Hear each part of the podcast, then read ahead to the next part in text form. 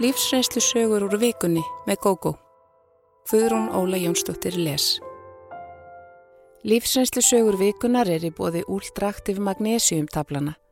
Með úldraktiv magnésiumtöflunum færðu meira út úr deginum, aukna orku, minni vöðvaþreitu og betri svefn. Úldraktiv magnésiumtöflunar fást í öllum helstu apotekum landsins. Ætlað að vera saman. Hannes var fyrsta ástinn mín og eftir að leiðir skildi hugsaði ég alltaf fallega til hans. Við hittumst ekki aftur, ótrúlegt en satt, fyrir en 20 árum síðar. Mentaskóla árin mín voru góð. Ég séðu kannski í rósröðum bjarma en það að hafa kynst fyrstu ástinni sinni á þeim tíma hefur eflaust mikið að segja. Við Hannes náðum saman á fyrsta skólabali vetrarins á fyrsta árinu mínu og vorum óaðskiljanleg eftir það. Hann er ári eldri en ég og útskrifaðist því á undan mér. Hann fór í háskólanám og samband okkar fór að breytast upp úr því, varð slitbróttara og erfiðara og um áramótin hættum við saman. Þetta gerðist ekki neinum leiðindum en við höfðum vaksið hvort frá öðru. Ég saknaði hann samt mikið og fannst í stundum eins og hálf manneski ánans. En lífið helt áfram og smám saman bandist ég tilverunni án Hannesar. Eftir stútinspróf ákvaði ég að taka mér ásfrí frá námi. Elsta sýstri mín hafði búið um tíma í Danmörku og hvatti mig til að koma og dvelja hjá sér og fjölskyldu sinni. Svo dvöl var mun lengri en ég hafði áætlað og mér líkaði svo vel í Danmörku að ég fór í námðar. Fyrir hugað árstvöl var það fimm árum en þá var ég búin að fá nóg og flutti heim. Fljótlega eftir heimkomu kynntist ég erðni Við vorum mjög ástfangin og allt gekk hratt fyrir sig. Við fórum að búa saman ánast strax og aðeins einu og halvu ári setna var dóttur okkar komin í heiminn. Eini gallin við lífið á þessum tíma var tengdapappi. Hann ollið því að það ríkti sífelt oftar í stóðum sambandsins. Örd var mjög háður föður sínum og vildi nánast ekkert gera nefn að fá samþykja hans fyrir því. Mér langaði til að við keftum okkur íbúð en pappars varði mótfallin, sagði að fastegnaverð væri í sögulegu hámarki sem reyndis kólrangt við kallinum. En úrtölur hans ölluð því að við sátum först á ömurlegum og ótryggum legumarkaði. Íbúðaverð átti eftir að hækka heilmikið eftir að ég fór að tala um íbúðarkaup og auðvitað hefðum við örnátt að láta vaða. Tengda fóreldrar mínir meiga eiga það að þau hjálpuðu okkur oft við að láta endan á saman en greiðasemin var kannski hluti af stjórnsemi Karlsins.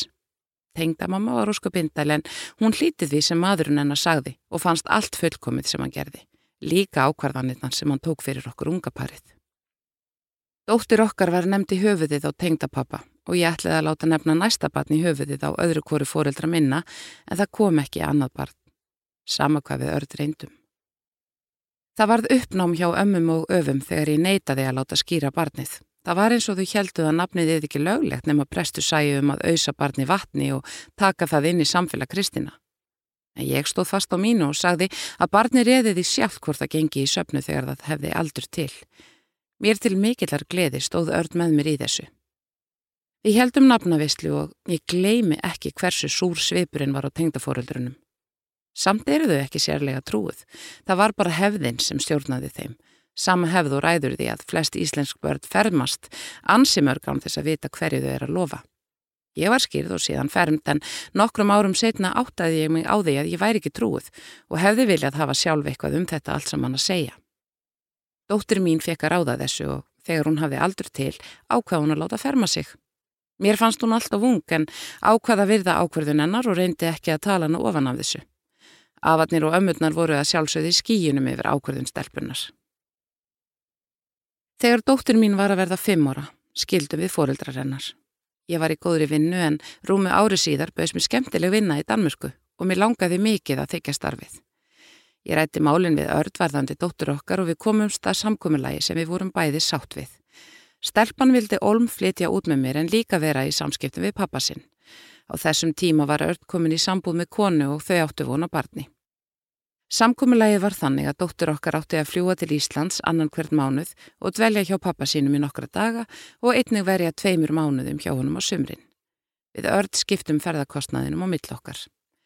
Við vorum öll sátt við þessa tilhugun og reyndum að halda góðri reglu á þessu þótt að gengi ekki alltaf.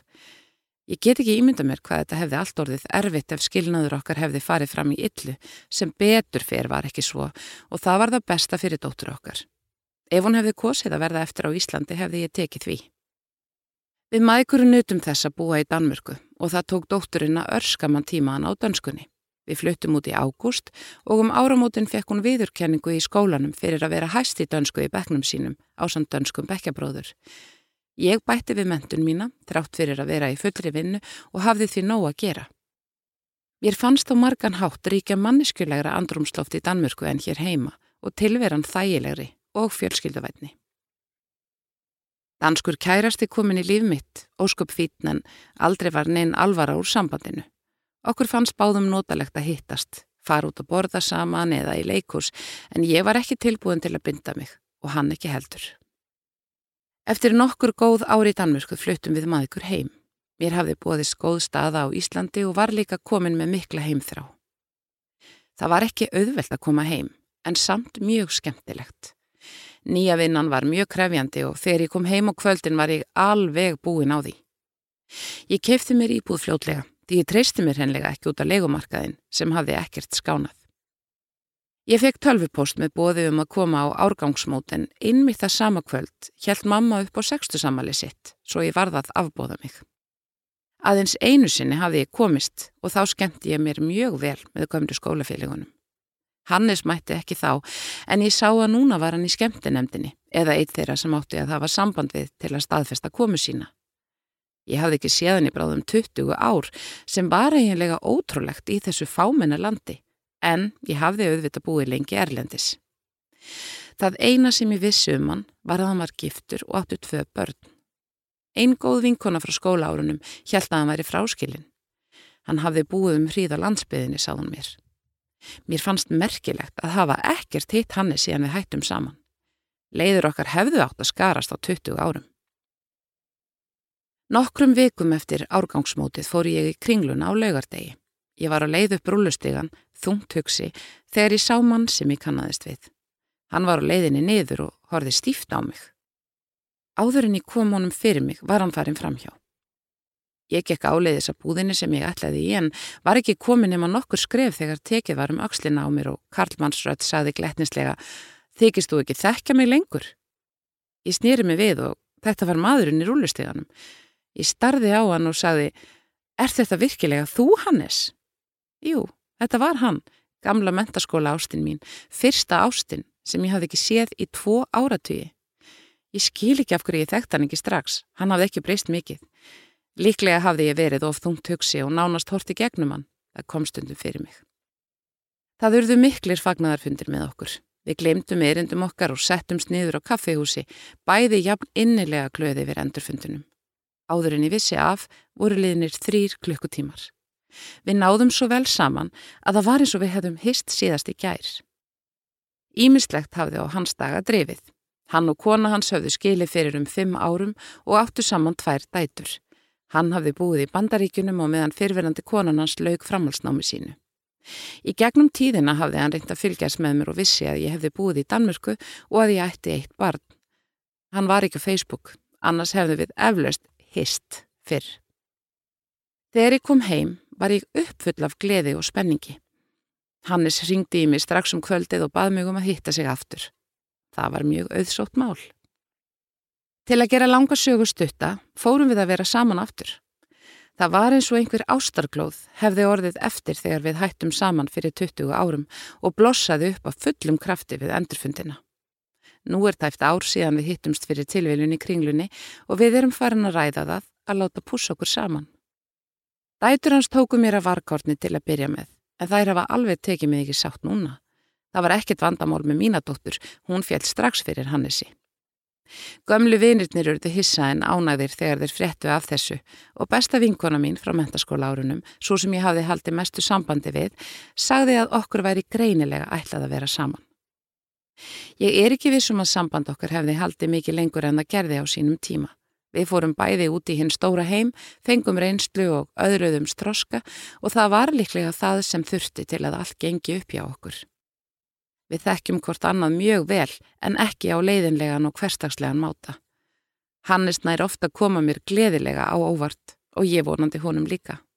Já, lengi lifir í gamlum glæðum, það hefði vist alveg rétt.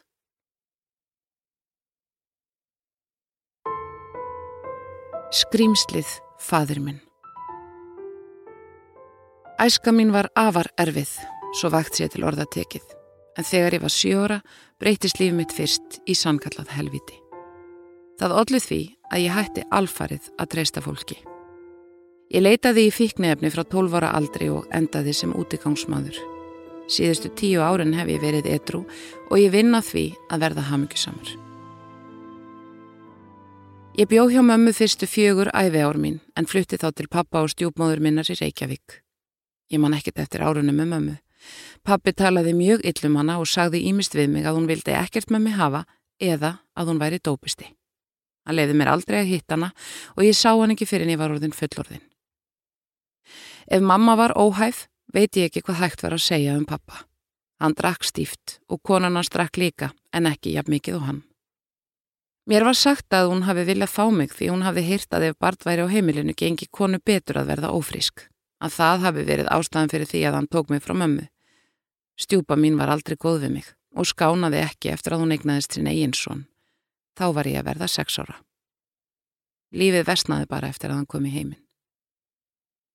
Pappa virtist allatíð vera mjög illa við mig og lagði ofta á mig hendur. Ég var alltaf mjög hrættur því ég vissi aldrei hvenar ég yrði bari næst. Pappi þurfti enga ástæðu til að meða mig. Það dögði ekki að ég væri þögull og reyfingalös. Hann barði mig samt. Ég var sjö ára þegar hillingurinn hóst fyrir alvöru og í raun dundu nokkur áfölli yfir á þessum tíma. Pappi tók mig með sér í sundhöllina og ég hafði aldrei á minni stuttu en ofbeldisfullu æfi orði ég að prættur og þá. Hann kaffariði mig nokkur um sinnum og í síðasta skipti sleft hann mér ekki. Ef einhver hefði gjörðið var við leikin okkar og öskrað á hann, hefði ég eflaust rauknað. Ég gerði mér grein fyrir því mjög fljótlega að pappi þóldi mig alls ekki. Liklega hefur hann ekki viljað gera mömmuða til geðs að skila mér til hennar því hún var greinilega mjög illa við hana. Ég kom staði síðar að mamma var svo niðurbrotin eftir sambandi við pappa að hún hafði ekki þórað að standa gegn honum þegar hann heimtaði að fá mig. Ég held að hún hafi aldrei verið í eiturlifum og hún saði mig sjálf frá því löngu setna að hún hafi alls ekki viljað missa mig frá sér. Á einu fyllirínu, ekki löngu eftir atvikið í sundlauginni, rak pappi nýfi bakið á mér. Allagan var máttleysisleg af því að hann var mjög drukkin en ásetningurinn lindi sér ekki. Þótt að blætti mikið úr sárunu var ekki farið með mig til læknis. Þá hefði komist upp hvernig ástandi var á heimilinu. Pappi átti marga drikkjufélaga sem sátuð að sumbli með honum á kvöldin og næturnar. Hann fór að selja vinnum sínum aðgangað mér, bæði körlum og konum sem komuð inn í herbyggi til mín og misnótuðu mig. Ég var svo hrættur við pappa að ég þorði ekki að mótmæla. Stjúpa mín vissi af þessu en hún var líka smegðið hann og leti eins og hún hefði ekki hugmyndum neitt. Barnaverð kom aldrei nála til heimilinu og þessum tíma held ég að heimilisofbeldi hafi verið talið engamál Engin utan að komandi vissi neitt og þótt einhvern hafi mögulega grunað eitthvað, vildi enginn skipta sér af. Pappi og konan skildu eftir nokkur ár og hann egnaðist fljótlega nýja konu sem við fluttum til. Ég átti að kalla hana mömmu eins og þá fyrir og ég hlíti því auðvitað. Með þeirri konu egnaðist hann þrjá sinni á stuttum tíma. Drykjan, ofbeldið og misnótkunnin hjælt áfram og ég hataðist við allt og alla. Engar líkur voru á því að ég fengi hjálp frá skólanum því ég var brjála vandrað bara þar.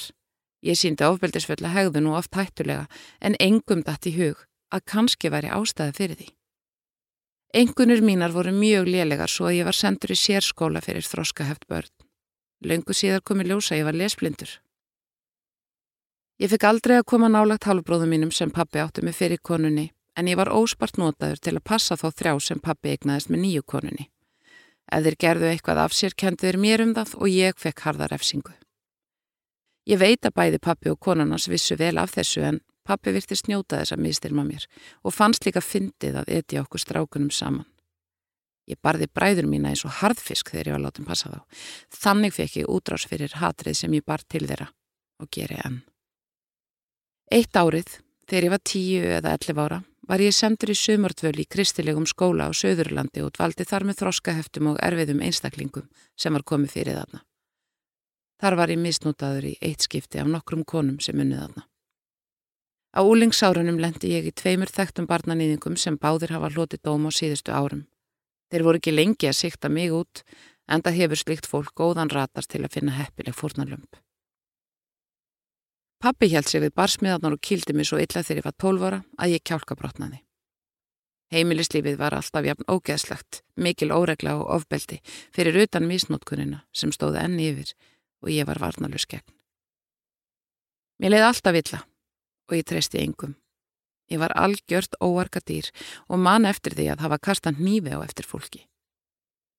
Ég var ekki nú skólum og misti vinnu fyrir ofbeldisfulla hegðun. Ég fór að sniffa lím 12 ára gammal og leytist með tíman múti bæði lögleg og ólögleg fíknefni. Ég var ekki gammal þegar ég var orðin útigangsmaður og bjóða götunni meira á minna næstu 33 árin. Árið sem bjór var leifður á Íslandi fór ég í mína fyrstu meðferð. Ætli ég ekki baki 50-60 meðferðir alls. Ég hugsaði stundum um að leita til stígamóta eftir að þau voru stopnuð en oftast var ég ofdrykkin og dópaður til þess að ég hefði mikið í að fara.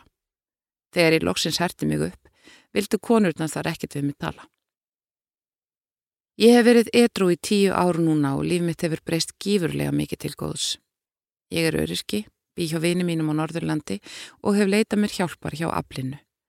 Þar hef ég getað opnað mig um misnótkunina og það hefur haft þau áhrif að ég get loks verið á meðal fólks án þess að setja utanum mig þykku vörnina sem ég hef notað frá barsaldri. Ég sæki líka AA-fundi en þar get ég ekki talað um fortíðina. Það má ekki minnast á svona ljóta hluti. Sumir fundarmenn eru svo veikir að þeir myndi ekki þóla það.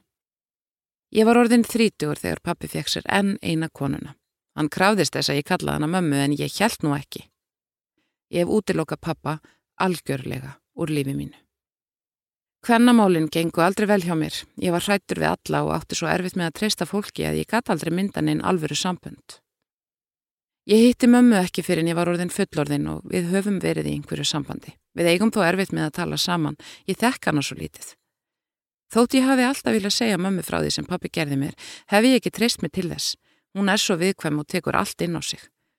Hún segir mér að ég eigi að byggja fyrir pappa en það dettur mér ekki hug. Ég er orðin miklu róleri núna en ég var og er sáttari við lífið.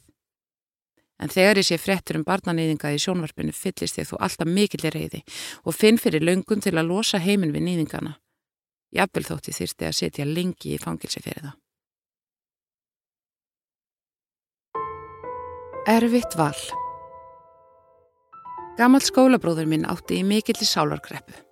Hann naut þess að lifa venjulegu lífi með okkur vinum sínum en þurfti líka að hlýta ströngum reglum sapnaðarinn sem hann tilherði. Löngu setna eignaðist ég stjúpföður sem hafi verið í þessum samansöpnuði en í öðru landi. Við Ragnar stunduðum bæði nám við mentaskóla á höfuborgarsvæðinu. Mér líkaði sérlega vel við hann og við urðum sífælt betri vinis. Þótt hann væri hæglátur og virtist hálf feimin var hann vinsæl og vel liðinn. Hann var góð viðbóti vinahópin sem hafði haldið saman síðan í grunnskóla. Ragnar bauð okkur vinunum ekki heim til sín og mætti nánast aldrei á neina viðbyrði utan skólatíma. Ég skildi það betur þegar hann saði mér að fjölskylda hans tilriði vottum Jehova, sértrúa söfnuði þar sem stránga reglur ríktu. Þeir sem ekki vildu fara eftir reglunum var vísað úr söfnuðinum og var í leiðinni útskofað úr fjölskyldu sinni. Ragnar talaði nánast aldrei um trú sína eða söpniðin og enginn af okkur vinunum rættið hann eitt sérstaklega við hann. Það skipt okkur engu máli en útskýrði alveg fjárveru hans frá skólaböllum og fleiri viðburðum. Eins og flestu ungu fólki fannst okkur í vinahópnum sjálfsagt að skemmt okkur og heldum annarslægi parti. Við vorum þó frekar í stiltari kantinum. Mikið var að gera í skólanum, ekki bara lærdómur, heldur líka fjölbreytt félagsstarf sem gaman var að taka þátt í. Þó Dragnar tæki ekki mikinn þátt í félagslífinu mætta nokkrum sinnum í parti en ég man ekki eftir því að það var síðan drekka. Við, nánustu vinnir hans, gættum þess að setja enga pressu á honum að drekka bjór eða dvelja lengi. Hann kunni alveg áreðanlega vel að metta það. Samt held ég að ekkert okkar hafi gert sig grein fyrir því í hversu mikillir sálarkreppu Ragnar var. Hann vildi vera eins og jafnaldratnir, eins og við vinnir hans sem ekki virðist hafa verið leifilegt í söpniðinum og svo vildan hún Eva sína fjölskyldinu tryggð og lifa eftir þeim reglum sem honum hefðu verið innrættar frá barsaldri. Það voru engin jól hjá honum og heldur ekki heldu upp á afmæli.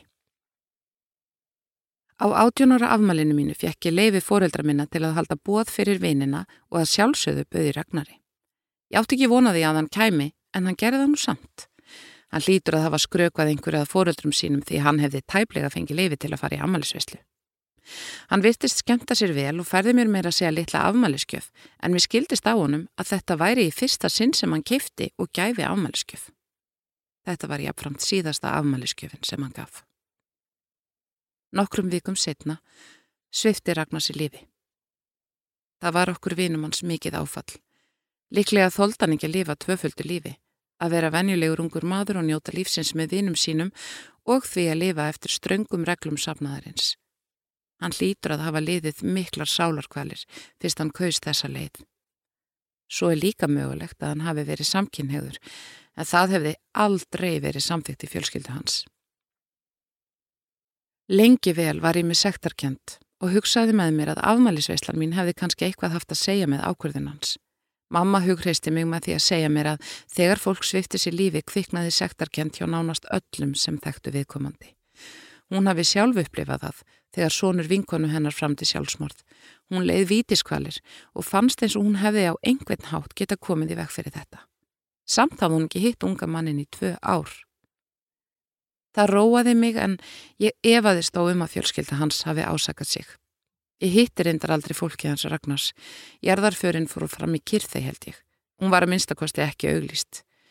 Við vinir hans hittumst heima hjá einum okkar, kveiktum á kjartum og myndumst hans. Það var okkar hvaðjustund. Ekki svo löngu síðar tók lífið mitt miklum breytingum. Fóreldrar mínu skildu og það var einstaklega erfitt. Pappi hafði átt sér viðhaldum langa hríð og nú var konan ófrísk. Hann ákvaði að að búa með henni. Ég var lengi mjög ósátt við hann, en að lokum fyrir gaf í honum. Konan hans reyndist vera mjög indal og ég kolfjætt fyrir litlu hálsistu minni. Það var mömmu að þakka að ég tók pappa í sátt. Hún saði mér að hjónaband hennar og pappa hefði ekki verið sérlega gott árum saman og að þau hefðu verið saman af gömlum vana. Mamma hefði samt alltaf haldið að þetta myndi lagast en þó vitað innstinni að það gerðist ekki. Við sískinin heyrðum þau aldrei rýfast, en rifurildi eru ekki endilega eina merkjuð um slæmt samband og stundum merkjuður reyndar að enn séu tilfinningar til staðar. Mamma var orðin rúmlega 50 þegar hún eignaðist nýjan mann. Hún hafði átt vini en engin alvara virtist vera í þeim sambundum fyrir hún kynnti skeira. Hann hafði búið lengi erlendis og verið giftur þar. Hann átti eina dóttur og þrjú barnabörn. Geiri og mamma hafði kynst í afmælisveislu hjá sýstur Geira sem var samstarskona mömmu. Hann hafði þá verið fráskilin í mörg ár og bjó enn ytra. Ári eftir að þau mamma kynntust og fóruði að vera saman ákveðan að flytja til Íslands. Hann sagðist alltaf hafa ætlað að verja elli árunum á Íslandi en flýtti því vegna ástar og mömmu. Þetta var allt saman dásamlega romantist og ég samglætist mömmu innilega. Geiri áttu nóg af peningum svo hann gætt sest í helgan stein. Mamma helt áfram að vinna en Geiri hefur ekki leiðið í leti, heldur verið óþreytandi við að ditta að íbúðinni, vinna í gardinum og annað slíkt. Hann er líka listakokkur og mamma hefur valla snert og sleif síðan að komin í lífennar. Sjálf var ég tiltölulega nýgift þegar Geiri komin í líf mömmu. Ég átti eitt barn fyrir þegar ég kynntist manninu mínum og var orðin ófriskað öðru barni mínu í kringum giftingu mömmu og Geira. Geiri var samstundis eins og besti afi fyrir stelpuna mína og eftir að sonurinn kom í heiminn var þann jafn innilega gladur yfir fæðingu hans og mamma. Ég vissi að Geiri var í mjög litlum samskiptum við dóttur sína og áttaði mig fljótlega á því að það gæti ekki verið vegna áhugaleisis hans og fór að spyrja mömmu út í þetta.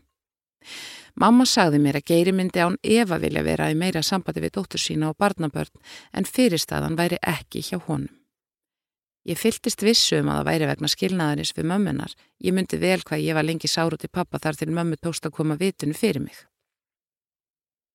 Eitt daginn komst ég að því hvaða var sem kom í veg fyrir samband geira við afkomendur sína. Ég var í matjó honum og mömmu og við spjöldluðum heil lengi saman yfir kaffinu á eftir. Einhverja hluta vegna bárust trúarbröði í tal og ég saðist ekki hafa mikið álit á söpnuðinum sem Ragnar heitin var í og sagði geira frá honum. Geiri brosti og sagðist að hafa verið um tíma í þessum samansöfniði ytra. Hann hefði í raun aðeins ell konu sína þanga til að missa hann ekki en honum hefði allatíð liðið illaðar. Á endanum hættan. Vissulega væru til hjónabönd þar sem annar aðilinn væri í söfniðinum sagðan og allt gengi vel en það gekk ekki þessu tilfelli. Konarnas treysti sér ekki til þess að vera gift manni utan safnaðarins. Dóttir þeirra var á úlingsaldri á þessum tíma og fyrstu árin eftir skilnaðin var hún í nokkru sambandi fyrir föður sinn en eftir að hún gifti sig, að sjálfsögði innvígðum manni, fór allt að breytast. Nú væri svo komið að hún vildi ekkert kannast við föður sinn, engöngu af því að hann hafði gengið úr söpniðinum á sínum tíma. Geiri hafði aldrei reynd að ræða trúmál við hann eða fá hana til að breyta einu eða neinu, hann síndi henni bara ást og stuðning. Hann tók mjög næri sér þegar hún sleit smám saman öllu sambandi við hann. Hann vissi ekki hvort maðurinn hennar hefði bannað henn að vera í sambandi eða hvort hún tók það upp hjá sjálfur sér. Hann sagði að þeir sem yfirgæfi söpniðin hættu að vera til í augum meðlemanna. Geiri sagði frá þessu af æðruleysi en ég sá að þetta var hún mikið auðvelt. Auðvita vildan verið í sambandi við eina barni sitt og barnabötun þrjú. Ég sá að mamma vissi af þessu en hún hafi greinilega viljað að Geiri segði með sjálfur sögur sína þótt hún væri í raun ekkert leindarmál. Mamma og Geiri ætla nú í sumar í ferðalag til útlanda og ætla þá að gera tilrönd til að heimsækja dóttur Geira. Hann ætlar ekki að gefast upp, en viður kennist þó að hann telji litlar líkur á því að það verði nokkuð tíma gott samband á millið þeirra. Hún þyrti þá að hætta í söpniðinu. Ég vona að hann fái að minnstakosti að hitta barnabötni sín í sumars. Geiri er ekki trúlaus, en hann sagðist að að fengi megnustu andstið og trúarbröðum eftir þessa reynslu sína. Trú væri eitt, trúarbröð annað. Honum finnst eitthvað sérlega rangt við það að fólk leifi krettufullum köllum, konur eru óæðri þarna eins og í svo mörgum söfnuðum, að stjórna lífi sínu á þennan hátt fyrir loford um himnaríkisvist. Ég var innilega sammálunum. Geiri er mér eins og annar fadir og mér þykir innilega væntum hann. Það er gagfæmt og börni mín dáan. Bræður mínir eru líka mjög hrifnir af honum en annar býr í útlöndum og hinn út á landi svo þeir þekkjan ekki jafnvel og ég. Dóttir Geira missir af miklu. Fadir hennar er algjört góðmenni sem trúir á sama guðin og hún en trúir ekki rétt. Mér hefur verið innrætt að bera virðingu fyrir trú annara en ég á mjög erfitt með að virða það sem veldur því að ungur maður kýsa svifta sig lífi eins og elsku ragnar minn og ung kona slíti sambandi við föður sinn.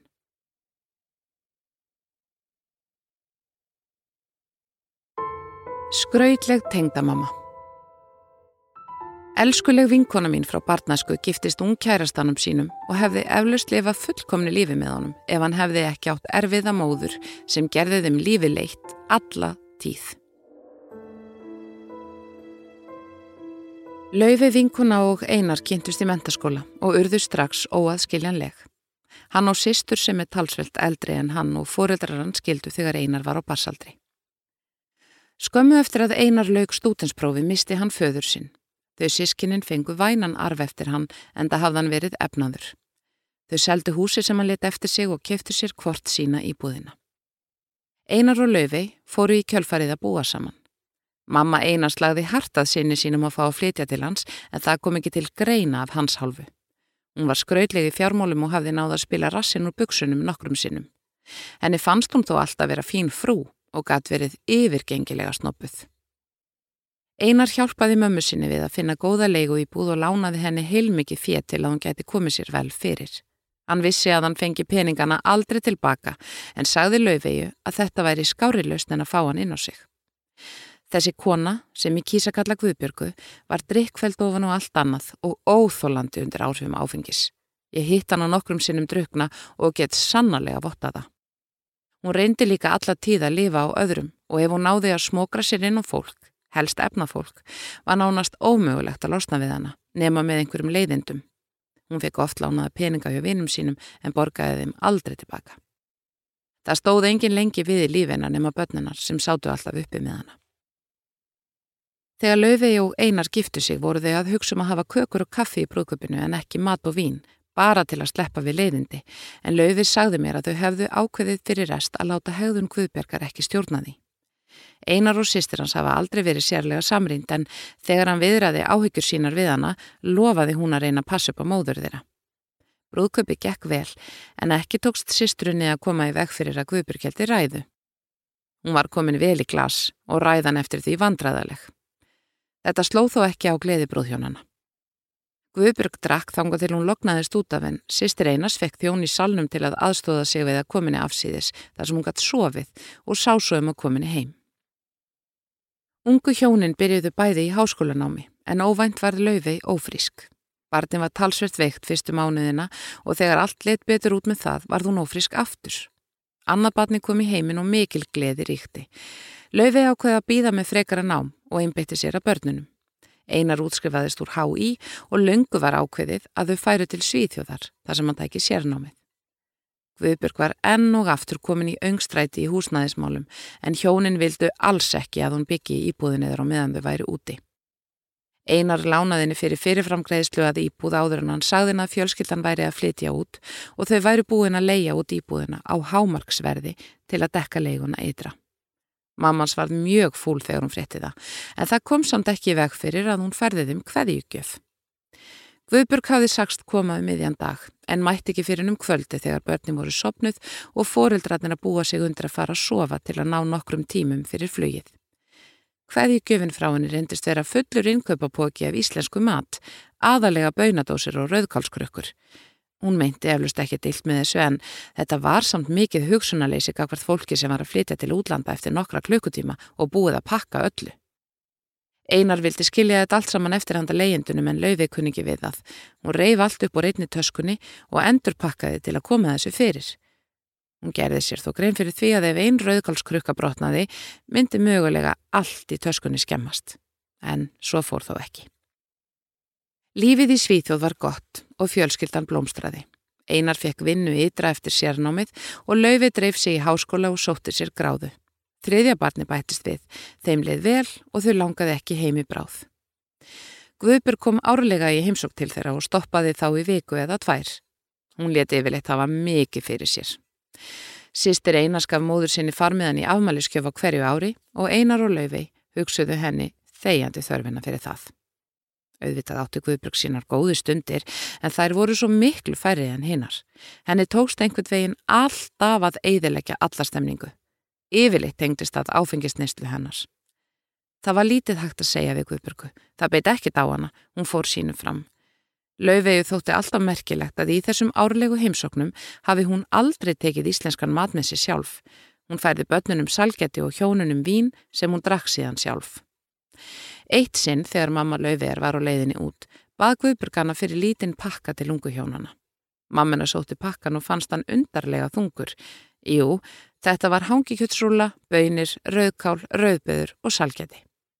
Laufi hafði sagt mömmu sinni frá hveðigjöfinni skelvilega á sínum tíma og því var hún tortryggin á innihaldið. Hún skildi brótættar auðkals og rauðbyðu krukkurnar eftir heima en tók hitt með. Henni dætti ekki í huga þegar á hættu að eiðilega fötinn sína ef einhver brotnaði. Henni fannst að lýsa miklu tilleitsleysi hjá Guðbjörgu að þeia um innihald pókans. Ekki söknuðu ungu hjónin þess að fá íslenskan mat, svo þetta var frekar skrítið. Fjölskyldan flutti heim eftir hátt í 15 ára dvöl ytra. Þau seldu íbúðina sem hafði verið í útlegu allan tíman og keiftu sér aðra stærri. Bæði fenguðu ágætt að vinnu. Guðburg mætti til að byrja með nánast á hverjum degi heimsók til þeirra. Að sjálfsögðu gerð hún aldrei bóða undan sér. Það þýtti lítið að þykjast ekki vera heima þegar báðir bílarnir stóðu kannski fyrir framann húsið en laufi gerði það nú samt nokkrum sinnum. Aldrei var talað og neikvæðan háttum ömmuna við badnabönnin en hún náði aldrei góður sambandi við þau. Hínamann, mamma Laufeyjar, var aftur á móti í miklu uppáhaldi hjá þeim. Það kom mér leiðinlega á óvart þegar Laufey saði mér fyrir nokkrum árum að þau hjónin ætluði að skilja. Þótt að hefði verið frábært að flytja loksins heim, hefði allt breyst svo mikið. Það væri svo miklu meira áreiti og stress í lífinu núna og hún vildi hugsa sinn gang. Eldri börnin voru bæði flógin úr reyðrinu. Það yngsta sem var komið í háskóla bjó áfram hjá föður sínum en Laufey flutti í búð sem var í eigu foreldrennar. Hún vildi ekki fara út í eignaskipti strax, frekar en einar, og þeir fannst ekkert liggja á lögskilnaði, svo ég upplýði þetta meira sem pási hjá þeim en alvöru skilnað. Laufey og einar voru bæði eins og vænbrotnir fugglar eftir að Laufey flutti út. Stæsti kosturinn við skilnaðin var að sög Laufeyjar að losna við tengdamömmuna. Guðbjörg var orðin heilsutæp á þessum tíma og börnina tvö fenguð heldur betur að finna fyrir því. Það var fátt sem hún fann ekki upp á til að láta þau stjana í kringum sig. Barnabötnin fengur líka sinn skerf en hún reyndi mikið undir það síðast að fá þau til að fara í ríkið fyrir sig. Þau mætti ekki segja fórildrum sínum frá því. Bæði einar og sýstir hans höfðu harðneitað að kaupa vín fyrir hana og sögðu að heilsennar lefði ekki drikju. En þið tókst þó alltaf annars lægið að útvega sér vín. Guðbjörg lést fyrir rúmi ári. Laufi mætti í jarðarföruna og hitti einar þá í fyrsta sinn í langan tíma. Hún faðmaði hann að sér og saði mig setna að hún hefði fundið allar gömlu og góðu tilfinningarnar kvikna til hans aftur. Væntum þykja hafði alltaf verið til staðar og hún hafði vissulega ringt í hann eftir lát móður hans og spjalla við hann dágóða stund. Það var eins og einar hefði fundið þetta því hann ringdi hann að stuttu eftir útförina og sagðinni að hann saknaði hennars. Þau eru farin að hittast annars lægið eða deyta eins og laufi orðar það. Kanski þurfti hjónaband þeirra þessa kvílt. Ég veit þó að svona kvíldir geta alveg virkað í hináttina, það gerðist hjá mér og mínum fyrfirandi. Einar hafði aldrei samanlag á mömmu sinni og sýstir hann sem kunni aðferðina við að halda Guðbjörgu fjari en gera samt skildu sína gákvartinni. Laufi áttaði sig á því eftir að hún var skilin við Einar hversu tengdamamman hafði haft mikil og neikvæð áhrif á líf þeirra síðustu árin. Þau vissu aldrei upp á hver hún tæki næst. Hún var annars slægið í sambúð með einhverjum körlum sem drukku með henni. Kallarni letur sér svo hverfa þegar peningarnir voru búnir og þá fór hún að herja á börnin sín aftur, við ég á peninga og ymsa greiða. Hún gerði líka mál út af öllu. Hún gaf einari og laufegi flott antik sofasett sem hún hafði erft, en svo tóku það tilbaka nokkrum árum setna eftir að það var selt sitt eigið. Hún saðist aldrei að hafa gefið þeim það, bara lánað, sem var sannlega ekki rétt. Það var alltaf betra að láta svona hluti eftir henni, því annars urðu endalust leiðindi. En nú er hún búin að fá kvildina og getur engan ángrað lengur. Þó skilst mér að uppgjör dánarbús hennar hafi verið eitthvað skrautlegt en ég veit ekki á hvaða hátt og kann ekki við að spyrja. Mér finnst mjög líklegt að Lauvi og Einar nái saman. Ef þau ruggla sama reytum á nýja leik sem ég vona verður líf þeirra án efa svo miklu betra og flækjuminna en áður.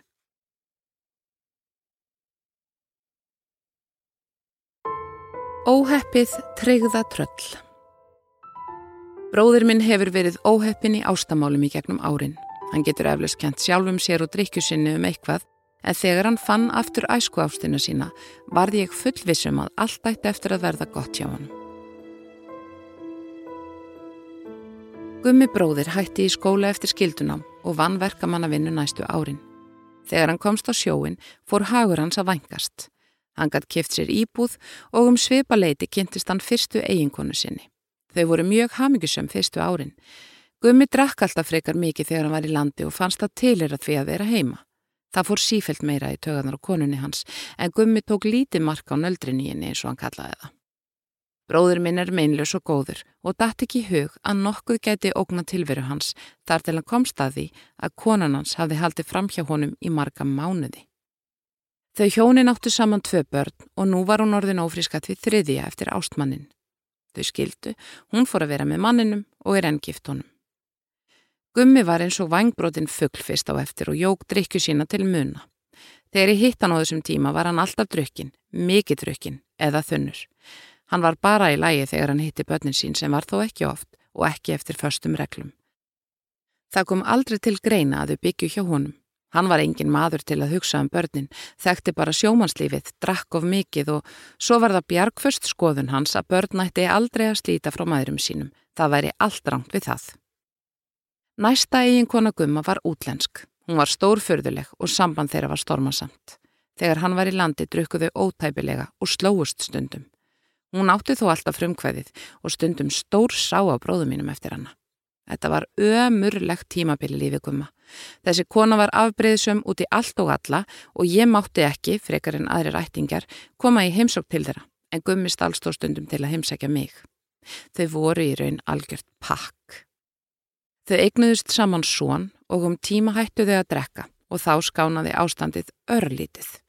Konan fyltist óeirð með tímanum og langaði að flytja til heimalandsins. Gummi samþykti það, hætti á sjónum og flutti með henni og barninu. Hann þóldi við ytra í tvö eða þrjú árin síðan kom hann alkomin heim. Hann sagði að lífið þarna hefði verið helst til of trillt fyrir sig. Hann vann við að steikja hambúrgara á skyndibitastað og leið best á vinnustaðnum en heimilislífið var stundum eins og vígvelli. Hann fór nokkrum sinnum utan til að heimsækja drengin en það voru vist erfiðar heimsóknir. Fyrirverandi konarnas vildi ekkert með hann hafa og heimsóknir hans voru henni ekki að skapi. Hann fekk fréttir af drengnum næstu árin í gegnum fyrirverandi mákonu sína sem var mun betri manneskja en sýstir hennar. Fréttirnar vestnuði eftir því sem stráksi eldist en hann var erfiður úlingur sem komst í sífellu í kast fyrir laugin vegna dópneislu og glæpa. Hann satt inni, síðastir við vissum. Hann hefur ekki viljað tala við pappa sinn en það ólst hann upp við að heyra í sífellu talaði illa um hann og Gummi hefur nána skefist upp á því að reyna að hafa samband við sonin sem er um tvítugt núna. Gummi fór aftur á sjóin og í einu sumafríinu dreif hann sig í meðferð og hefur ekki drukkið síðan. Krakkarnir sem voru með Gumma í skóla eða jafnaldrar hans ákvaðu fyrir nokkrum árum að halda skólamót eða reunion. Mikið var lagt upp úr því að finna alla og það tókst svona næstum því að sög Gumma. Þetta var einstaklega skemmtilegt kvöld og þar hitti hann Björgu, stelpu sem hann var mjög hrifin af á úlingsaldri. Hann var allt og feiminn til að þóra að segja henni frá hrifningu sinni en þau voru ágættir vinir á þessum tíma. Björg hafði verið gift og átti eina dóttur sem hafði nýlega gert hann aða ömmu. Það fór vel á mig gumma á Björgu. Hann sá til þess að þau sátu við sama borð. Þegar fólki mætti fekk það númer í hendur sem sagði því hvar það ætti að sitja en gummi settist hjá Björgu þótt hann hefði átt að vera við annað borð. Sá sem átt að vera þar settist bara þegjandi og hljóðalust við annað borð þegar hann sá að þetta borð var fullt. Eftir þetta kvöld fóru gummi og Björg að hittast og nú var feimnin alveg farin af gumma. Það leiði mjög stuttur tími þar til þau voru farin að vera saman og eftir aðeins nokkrar vikur voru þau komin í sambúð. Ég komst að því að hjónaband Bjarkar hafði verið skelvilegt. Maðurinn hennar var algjör satisti og fór illa með hana. Hann virkaði alltaf í lægi út af við og fæsta grunaði eflust að Björg þyrsti að lifa við andlegt og líkamlegt ofbeldi. Hún bar þess ennmerki andlega þótt komin væri 15 ár síðan hún flúði heimilið og virkaði svo litið taugaveikluð sem Gummi sagði að hún hefði aldrei verið í gamla daga. Littlu munaði víst að maðurinnar hefði fengið forræðið yfir dótturinni en einhver kraftur hljópi Björgu og hún barðist eins og ljón fyrir henni. Stelpan hafði líka beinin efinu þrátt fyrir að vera hrættuð föður sinn og sagðist alls ekki vilja búa hjá honum. Nú var hún orðin ung kona með indislegan kærasta og nokkura mánuða gammalt barn. Dótturinn var mjög ána með að mamminar hefði fundið ástina aftur og tók gumma mjög vel. Nú held ég að líf gumma er þið dans og rósum og þannig var það næstu þrjú eða fjögur árin. Þá fór að bera á skapgeðarprestum hjá Björgu. Hún var til skiptis mjög döpur og þungi skapi á nokkurar ástæðu og svo gæti hún tekið æðiskost þess á milli. Að áeikjan gumma fór hún til geðlagnis og fekk lif sem löguðu ástandi nokkuð.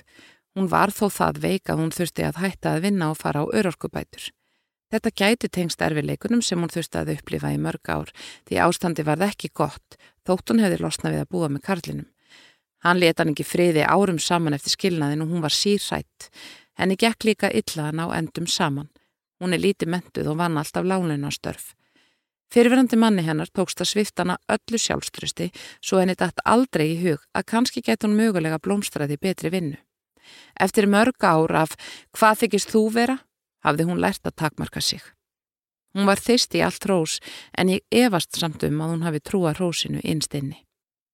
Björg var búin að ná sér nokkuð eftir erfiðu árin þegar hún fór að vera með gumma og giftist honum en svo fór að síga ógjafurliðina.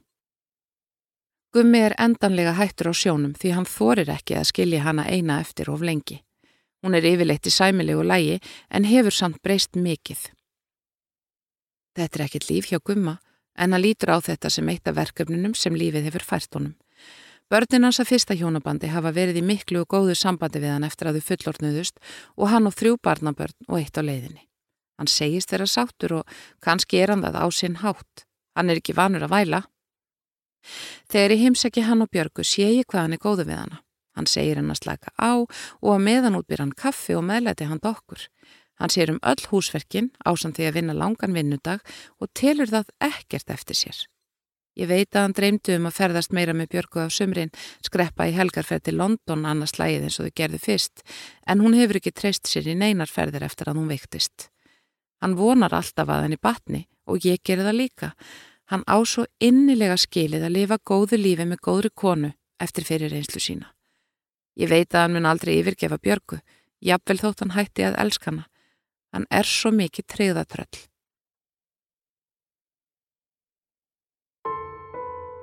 Þú varst að hlusta á lífsreynslusögur úr vikunni með GóGó í læstri Guðrúnar Óli Jónsdóttur og framleiðslu Storysight árið 2020. Höfundaréttur Vikan.